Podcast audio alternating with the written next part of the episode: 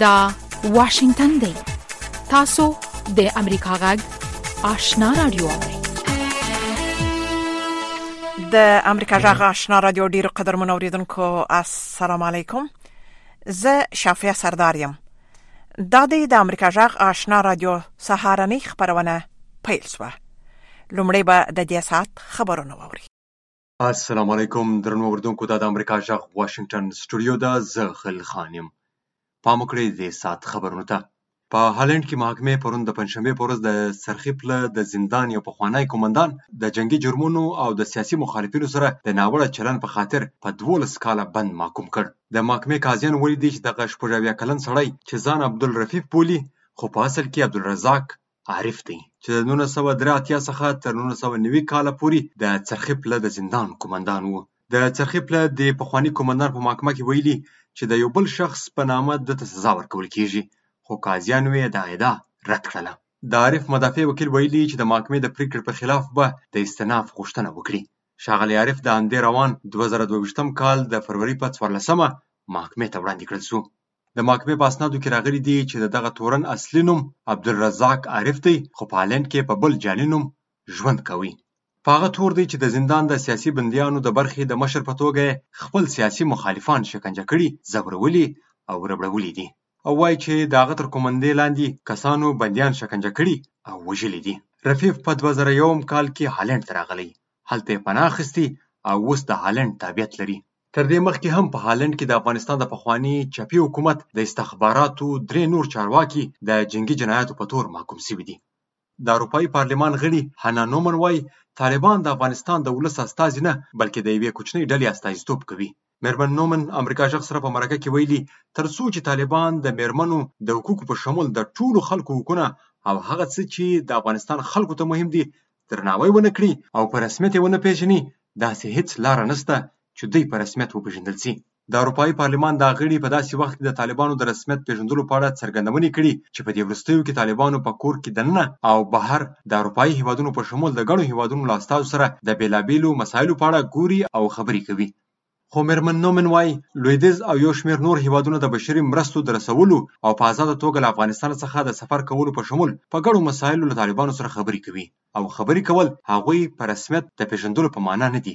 تېره اونۍ هم د اروپايي پارلمان په عامې غونډه کې له شپږم ټولګۍ بره د نجونو د ښوونځیو د بیرته پیل کېدو په اړه بحث وشو او په پرېکړه لیک کې په واضح توګه له طالبانو وغوښتل شو چې په دې اړه دې اقدام وکړي او ژر تر ژره د نجونو ښوونځی بیرته پرانیزي. د پاکستان پوځ د مخکني صدراعظم عمران خان هغه ادعاوې رد کړې چې ویلي وو چې د دې هېواد په پارلمان کې هغه ته د نه باور د رایګیري تر شا د متحدو ایالتونو لاس و. ښاغلي خان د واکه څخه د لرې کېدو وړاندې څو ځله ادعا کړې وه چې د نه باور رايګيري د پاکستان په سياست کې د متحده ايالاتو د لاسوهنې يوه طرحه وه او په دې اړه د ثبوت لپاره ويلي وو چې په واشنګټن کې د پاکستان د سفير لخوا ورته یو ډيپلوماټيک لیک هم ورکړل شوی خو د پاکستان د پوځ ویاند تورن جنرال بابر افتخار پرون د پنجشنبې پر ورځ په خبري کانفرنس کې د عمران خان دغه ادعا رد کړې او د دې ترڅنګ یې دا هم وویل چې د امنیت شورا په بیان کې د دسیسې ټکی نه دی استعمال شوی او دا یې هم وویل چې امریکا په پاکستان کې د پوځي اډو غوښتنه نه ده کړې د پاکستان د پوځ ویاند همدارنګه د عمران خان هغه ادعاوې هم رد کړې چې ویل شوي وو چې د پوځ لوی درستیز جنرال قمر جاوید باجوه د شاغلي خان او سیاسي مخالفینو ترمنځ منځګړیتوب کړی وو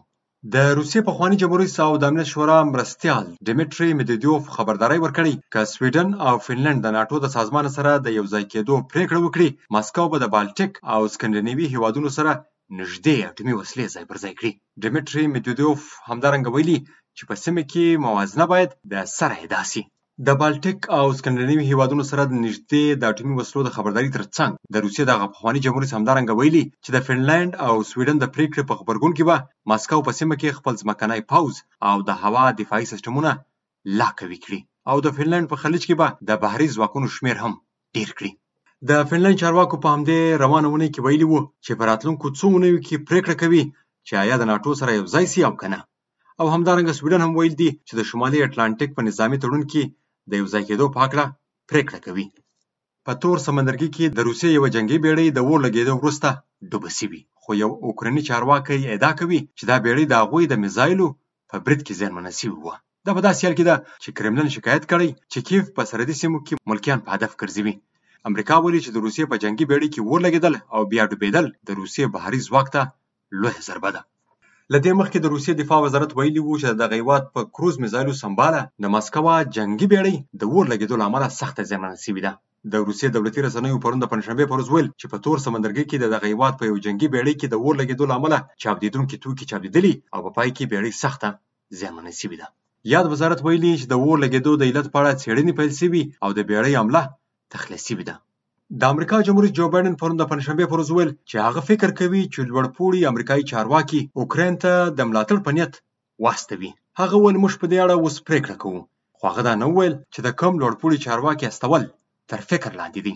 د خبریالانو سره د سوال او ځواب پر مهال بایډن دا هم وویل چې کېدای سي دی هم کیف ته سفر وکړي د اژانس فرانس پرس د راپور له مخې کیف ته په لوړپوړو امریکایي چارواکو کې کېدای سي د بهرنیو چارو وزیر او یا د دفاع وزیر لوید آسټن شامل وي خو د امریکا د بهرنیو چارو وزارت ویاند نټ پرایس په دې اړه د تبصرې کولو نه ډډه وکړه چې مریس بایډن د چهارشنبې پر ورځ اوکراین ته د اته سوه میلیونو ډالرو د پوځي مرستو ورکولو اعلان هم وکړ. د فلسطین د غربي تړانګې په جنین ولسوالۍ کې د اسرایلي ځواکونو په عملیاتو کې درې تنه فلسطینیان وژل شوي دي. اسرایلو دغه پوځي عملیات له هغه وروسته پیل کړل چې د دغې سیمې یو تن په تلابیب کې یو وسلهوال برید وکړ. اسرایلو دغه سیمې ته له هغه وروسته اضافي سرتیري استولي او په دغه سیمه کې اضافي امنیتي موانع او په دغه سیمه کې هغه دیوال نور هم مضبوط کړ چې دغه سیمه او اسرایل یې سره بیل کړی. په تیرو درو اونیو کې په اسرایلو کې څلور بریدونه وسول او څوارلس تنه پکښې ووژل سول چې زیاتره یې ملکیان وو. د اژانس فرانس پرس د راپور له مخې د مارچ د دوه ویشتمې راهیسې د تشدد په نوي څپو کې یوویشت فلسطینیان وژل سوي. چې په هغو کې هغه کسان هم شامل دي چې اسرائیلیان یې په نښه کړي وو دا و خبرونه چې تاسو د امریکا ژغ د واشنګټن د سټوډیو څخه واورېدل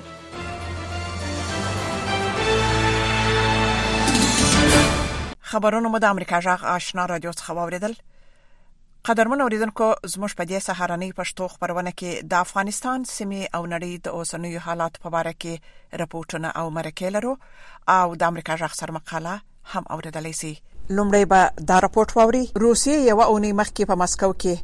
د افغانستان سفارت طالبانو ته وسپاري او د هغو هیوادونو په لیست کې ورشامل شو چې پرته له دې چې د طالبانو حکومت په رسمیت وپیژني د دوی ډیپلوماټ ته د کار اجازه ورکړي په دې اړه پام وکړئ رپورټ ده وروسته له هغه چې روسیې د طالبانو یو دیپلومات ته د کار اجازه ورکړه، دغه هیواد همدا تیره شنبه روسیې کې د افغانستان سفارت طالبانو ته وسپارلو. طالبانو د مسکو دغه اقدام وستایلو او ځانونه یې د دوی په وینا داسې مشروع حکومت چې له افغانستان څخه د باندې د سیاسي کارونو تر سره کولو مستحق دي وبلل. له روسیې پرته چین او یو شمیر نورو هیوادونو هم پرته له دې چې طالبان په رسمیت وپیژني د دوی دیپلوماتانو ته یې د کار اجازه ورکړې. خو ځینې سیاسي څېړونکي وايي چې د طالبانو سره د اړیکو جوړول د دوی د په رسمیت پېژندلو مانا نه لري. جی حکومتو کې روابط اور تعلقات. حکومتونه د دغو ډول ډېرو ادارو سره چې په قانوني لحاظ یې د حکومت په توګه نه مني هم اړیکي لري. په نړیوالو اړیکو کې په رسمیت پېژندنه له تماس او اړیکو څخه مختلفه وي. په هغو هېوادونو کې چې د طالبانو دیپلوماتانو ته یې د کار اجازه ورکړې، پخواني افغان دیپلوماتان وايي چې دوی د طالبانو سره کار نه شي کولی او دوی یې استعفاوې ورکړي. په هغه کې چین ته هم یو کس معرفي کړی و او زموږ کوربه هېواد چین ورسره منلی و چې دیپلومات به راشي. نو د دیپلومات د راتګ سره زما خپل او زموږ د هغه شته دیپلوماتانو فکر دا و چې د هغوی راتګ په دې معنا بالخصوص لري چې اوس به بیا د هغوی سره کار کوو. دا په دغه اوسني حالاتو کې، په دغه اوسني شرایطو کې او بیا په کوم پالیسیانو کې چې په ټوله نړۍ کې د افغانستان له پنځه څلوېښتو سفارتونو او شلو کونسلګریانو څخه یې اکثریت لا هم د خپلو کارونو لپاره فعال دي، خو د دغه سفارتونو او کونسلګریانو اکثریت دیپلوماتان د طالبانو له حکومت سره کار کولو ته زړه نه ښه کوي. ځنې یې وايي چې دوی د طالبانو واکمني په رسمیت نه پېژني.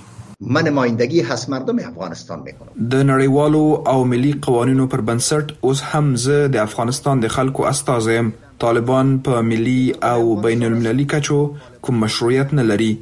دوی دا دعوه چې یو حکومت دی نه شي کولای. نړیواله ټولنه د طالبانو د حکومت د په رسمیت پېژندلو لپاره له طالبانو د بشر حقونو ته د درناوي کولو، نجونو ته ښوونځیو ته د تللو د اجازې ورکولو او د ترهګرو سره د اړیکو پرې کولو په ګډون د یو ټولګډونه حکومت جوړول غواړي. د امریکا غږ د آشنا رادیو په خپلو بیلو بیلو خبرونو کې د نړۍ د ګډ ګډ او د افغانستان په باب جامع به طرفه او موثق راپورټونه خبري د امریکا غږ د آشنا رادیو خبرونه مهیروي د طالبانو حکومت د عامه روغتیا وزارت پر افغانستان او نورو هیوادونو باندې د اوکرين د جګړې له امله د مرستو د کمیدو په اړه د روغتیا د نړیوالې ادارې WHO د مشر څرګندونو ته په خبرګون کې ویلي چې په دغه هیواد کې کوم ستونزو ته چې اړتیا ده کونه رسیږي نو خلک به له یو بد حالت سره مخامخ شي په دې باره کې اکرام شینواری له کابل رپورټ راستولی د روغتیا د نړیوالې ادارې ډبلیو ایچ او مشر تدروس اتحانوم ګبرا یاسوس د چهارشنبې په ورځ د ژنیو څخه په انلاین بڼه خبریالان سره په خبرو کې ویلي چې نړیواله ټولنه د اوکراین په جګړې دومره تمرکز کوي چې د افغانستان په څیر یو شمیر هیوادونه یې هیر کړي دي د طالبانو د اسلامي امارت د عامې روغتیا وزارت ویاند ډاکټر جاوید هجیر د ډبلیو ایچ او مشر څرګندونو ته په غبرګون کې ویلي چې د روغتیا نړیوالې ادارې رئیس دې مسلې ته ډیر ناوخته پام شوی دی طالبانو افغانستان کې واک ترلاسه کولو وروسته څو ځلې دا مسله یاده کړې ده افغانستان چې کوم روغتیايي مرستو ته اړتیا لري که ورته ونه رسیږي نو خلک به د ډیر بد حالت سره مخ شي. فعلا اونا متوجه شدن بازم اگر بسیار خوبی است. ډاکټر هجري ویل دا چې اوس یې دې مسلې ته پام شو دا هم ښه خبره ده اوس چې افغانستان سره کومې مرستې کیږي دا هم د افغانستان په کچه تیدی چې کافي نه دي ځکه د مخه چې کومې مرستې کیدلې د افغانستان د نفوس شپېته فیصده اړتیاوې پوره کولې او څلوېښت فیصدو سره مرستې نه کېدې، اوس چې خلکو ته د مرستې د رسولو په برخه کې سل فیصده زمینه برابره شوې، تر هغې چې د افغانستان روغتیايي سیستم په خپلو پښو ودرېږي، د تېر پرتله ډېرو او ښه مرستو ته اړتیا شته دې.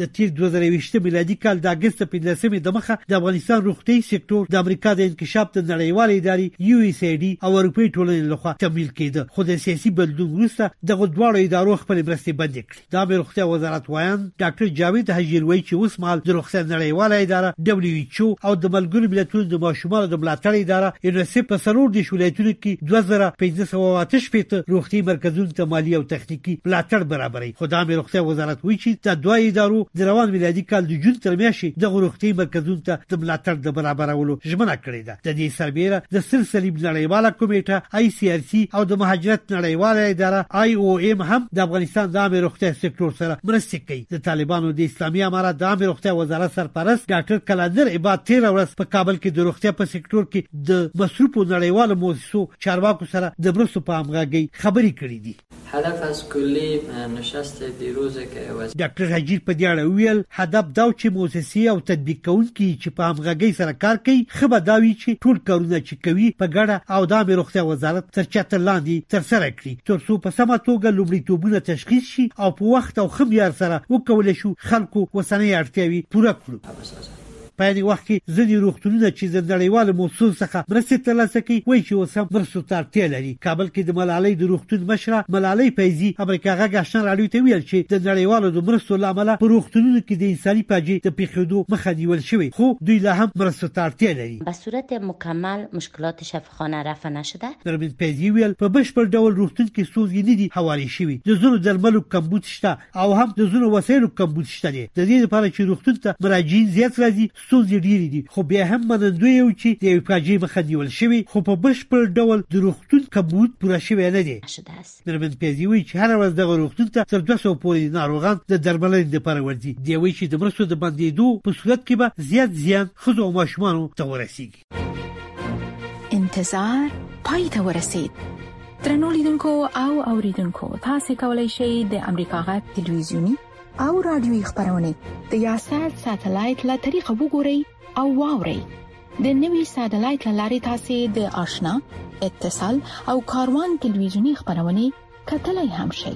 د امریکا غږ د افغانستان څنګه خبرونه په 398 چنل او د آشنا رادیوي خبرونه په 380 چینل کې اوریدلای شئ لملتيامو د تل پشان مننه د امریکا جغ آشنا رادیو څخه راپورټونو ته دوام ورکوه د امریکا د نیویارک ټایمز ورځپاڼې د یوې لیکنې په خبرولو سره خبر ورکړی چې طالبانو تر 1500 زیات افغان پوځیان سیاستوال او د امریکا همکاران برمته او اعدام کړي دي دا زور زیاتی د طالبانو د واکمنۍ په لومړیو شپږ میاشتو کې شوی دی د افغانستان د وسلوالو ځواکونو په خوانی ویان اجمل عمر شینواری دا شمیر کم بولی او وایي چې طالبانو یو لسو اتش په تکسان وژل دي طالبان د ادعاوی ردوي د نیویارک ټایمز په ورځپاڼه کې د سشنبه پر ورځ په یو خبري شوی ریپورت کې راغلی چې وخت ته لرسیدو وروسته طالبانو په تیر شپږ میاشتو کې د پخوانی جمهوریت نظام 390 پوځیان او کارکونکو وژلي یا تریتم کړی دي کوکا منګل د پکتیا ولایت د سیمایزو پاتون کونکو د پخوانی قوماندان نظر خان چې په پړوش کې منګل مشهور ورور دی وای ورور له تیرو و مشرهي سي له طالبانو سره په بند کې دی. بعد بیا دما ماما اوپات شوی وو د کابل نه نظر خان ورغی پاتهې ته ننګرهار ته دوه واړه بچیان هم ورسره وو یو وراره هم ورسره وو چې هغه نه راستون شو دی د اسلامي اماراتو له خوا ونیول شو د اسلامي اماراتو بیا راغی د سیدکرم ولسوالۍ ته راوړ بیا د سختو ویلو ټکولو سکنجو سره مخامخ شو دا و نیمې میاشتې کیږي چې د منګلو مشران او سپین ږیري ځوانان علما ټول په ده پسې هلې ځلې کوي او موږ ته لا تر اوسه پورې هېڅ نتیجه په لاس نه ده راغلې. د افغانستان د وسلوال پوځ پخواني چارواکي وایي چې دا شمېره له دې هم لوړه ده او طالبانو په لسګونه کسان وژلي دي. واقعاً هغه ارقام چې نیویارک ټایمز خپاره کړي دي چې په هغې کې څلور سوه او نوي نفره یادونه شوې خو دغه تعداد متاسفانه چې زیات ده دا تعداد هغه ارقام چې زمونږ سره زمونږ د اړیکو لاره چې مونږ ځان سره ثبت کړی دي 1188 نفره د طالبانو د واکمنۍ نه راوروسته متاسفانه په ډیر بد ډول باندې شهیدان شوي دي او حتی د بعضی جنازې او جسدونه هم کورنۍ ته نه تسلیم شوي دا غي ترڅنګ منګه کوم ارقام چې لرو شپږ زره کسان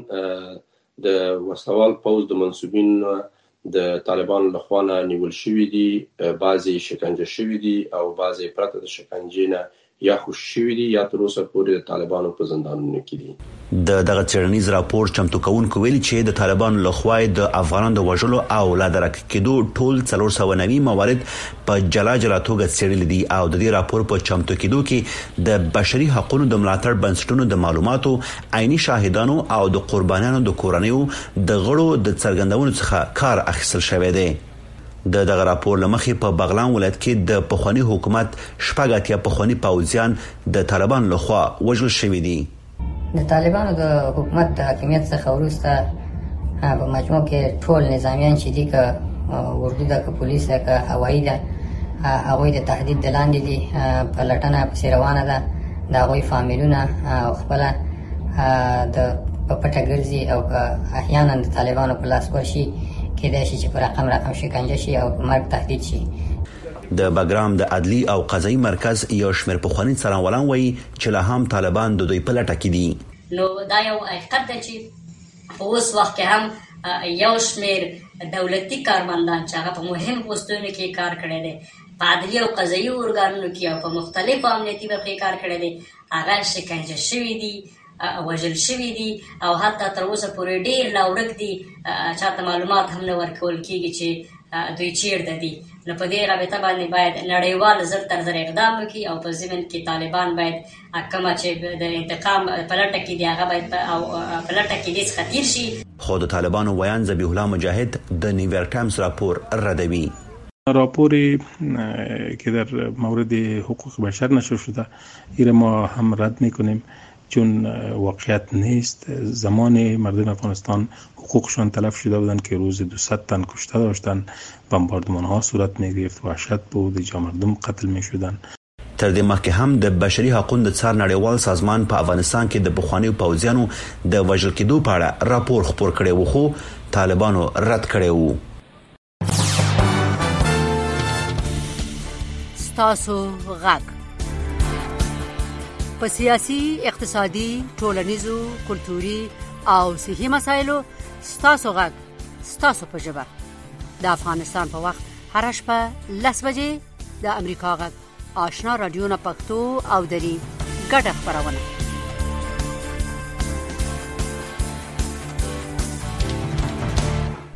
رپورټونو ته دوام ورکوو د روسیې د وسلوال پوځ پر ځواکونو په اوکرين کې پر ملکیانو باندې د ظلمونو او تیریو د تورونو لګیدو وروسته د روسیې پر خلاف د قانوني اقداماتو په باب غوښتنې زیاتې شوې دي او د بشري حقوقو فعالان د هاګ نړیوالې جنایي محکمې ته سترګې په لاره دي. نوموړي محکمې تېره میاشت په اوکراین کې د جنګي جرمونو په اړه د تحقیقاتو اعلان وکړ. له جنیو څخه به د خبریالي لیزا شلاین د رالیږلي رپورټ خلاصه زموږ له همکار سید سلیمان شاه څخه واورئ.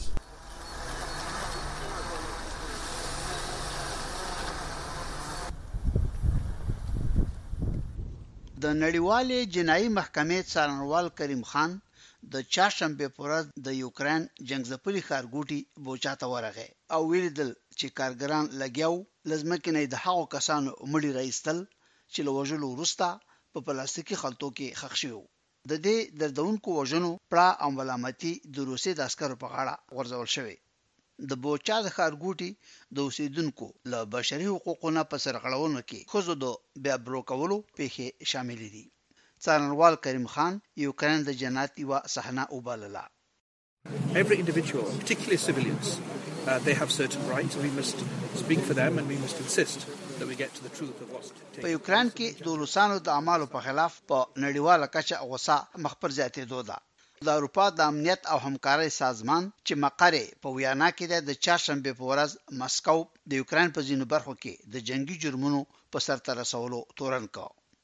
په داسې حال کې چې د متحده ایالاتو جمهور رئیس جو بایډن د روسیې جمهور رئیس ولادیمیر پوتین یو جنګي مجرم بللی او په یوکراین کې د روسیې د پوځ اعمال نسل کشي بللې ده، ځینې خلکو سره د روسیې د اعمالو د تعریف په باب اختلاف نظر لري.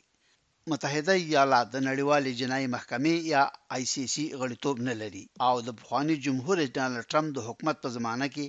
امریکايي چارواکو د دغه نړیوالې محکمې پر هغو څارنوالانو باندې د بندیزونو د لګولو اعلان وکړ چې غوښتل یې په افغانستان کې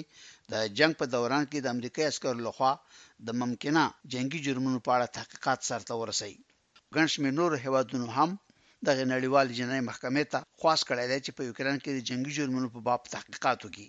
فرانسې یوکراین ته جنایي متخصصین ولیږل تر څو د هغه هیواد له چارواکو سره د شواهدو په راټولولو کې مرسته وکړي او اروپایې اتحاد هم د هاګ د نړیوالې جنایي محکمې بودیجه زیاته کړې ده. کارپوهان په دې باور دي چې د شک لاندې د مجرمانو محاکمه او یا یې د عدالت منګولو ته سپارل څرنګه چې ظاهراً بریښي ممکن چې عملاً دومره اسان نه وي. یوکراین او روسیه دواړه د هاګ د نړیوالې جنایي محکمې غړیتوب نه لري او روسیه د امنیت د شورا د دایمي غړي په صفت د دې توان او قدرت لري چې په یوکراین کې د روسیې د عسکرو له خوا د جنګي جرمونو په باب د ملګرو ملتونو د تحقیقاتو هڅې شنډې کړي او په لاره کې موانع او خنډونه ایجاد کړي د نیدرلند د لیډن د پوهنتون او د شمالي آیرلنډ د بلفاسټ د کوینز د پوهنتون د نړیوالو جرمونو او نړیوال عدالت څانګې استاد پروفیسر ګارسټن سټان او یو شمېر نور حقوقي ماهران په دې باور دي چې د ICC په غاړه د ټولې حقوقي ذمه وارۍ اچول مناسب نه دي او نه دغه نړیواله محکمه په دې اړه مکلفیت لري. I think there's absolutely a possibility that Wilcox will be prosecuted by the ICC. The mere question will پروفیسور سټان وای ځینې دوسیې باید د جرمني په څیر هیوادونو ته ولیږل شي چې محکمې د هغو جرمونو په باب د تحقیقاتو قانوني صلاحیت لري چې په نورو هیوادونو کې شوي. څېړونکي وایي یو بل اپشن یا بدیل دا دی چې په یوکراین کې د جنګي جرمونو لپاره یوه ځانګړې اختصاصي محکمه جوړه شي د کارپوهانو په باور ممکن چې یوه ورځ به د روسیې د پوځ د ټیټې رتبې افسران ونیول شي او د خپلو جرمونو حساب به ورکړي، خو د روسیې د لوړپوړو سیاسي مشرانو او پوځي قوماندانانو نه د تحقیقاتو کول او یا یې د اعمالو په اړه ورنه باسخواست کول بالکل ناممکن ښکاري. په یو صورت کې امکان لري چې پوتین له قدرت نه ولوېږي او په روسیه کې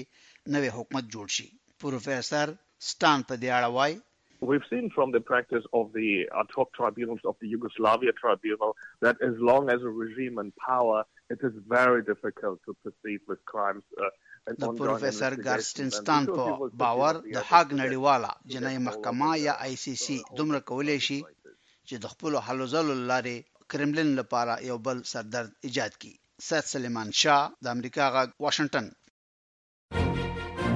انتظار پای ته ورسید ترنو لیدونکو او اوریدونکو تاسو کولی شئ د امریکا غا ټلویزیونی او رادیوي خبرونه د یاسر ساتلایت له طریقو وګورئ او واورئ د نوي ساتلایت لارې تاسو د آشنا اتصال او کاروان ټلویزیونی خبرونه کتلای هم شئ د امریکا غږ د افغانستان څنګه خبرونه په 398 چنل او د آشنا رادیوي خبرونه په 380 چینل کې اوریدلای شئ لملتيامو د تل پشان مننه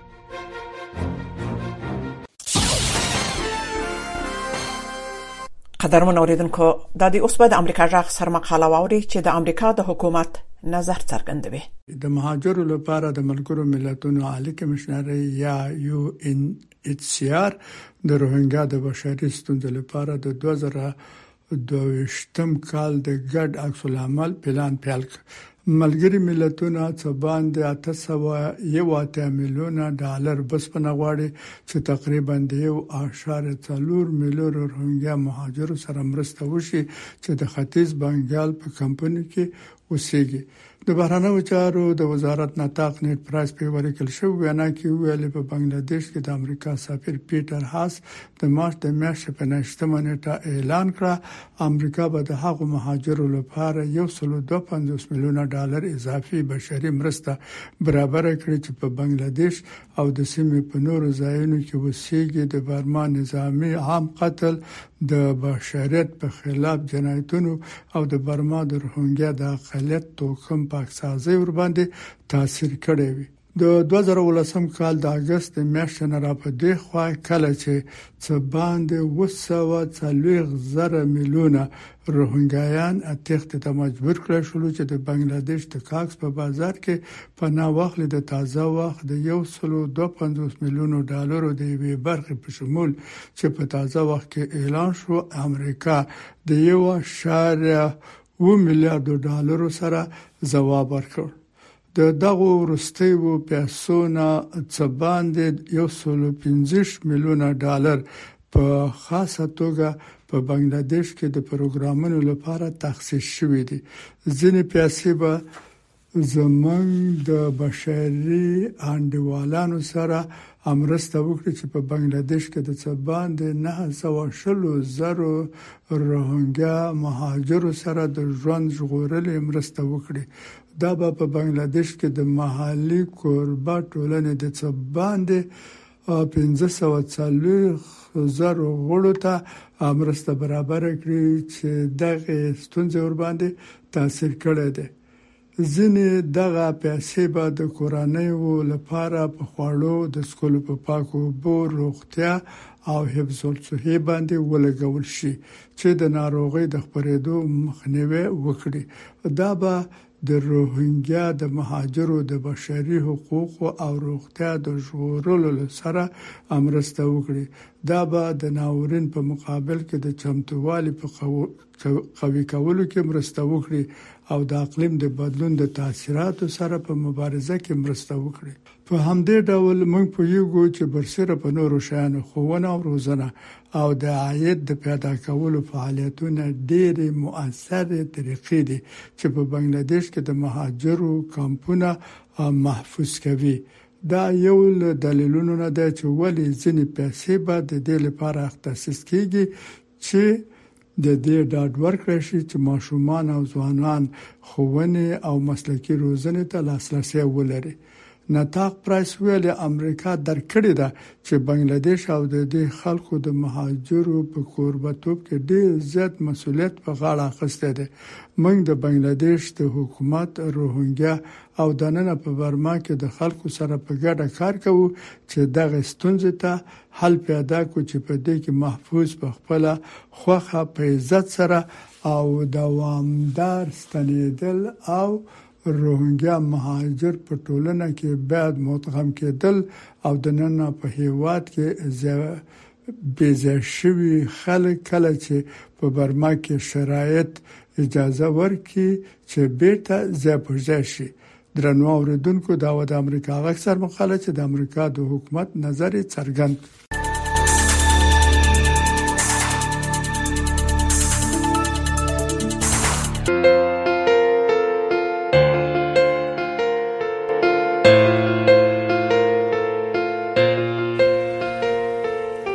درنو اوریدونکو زموږ د خبرونه په همدې ځای پای ته ورسیده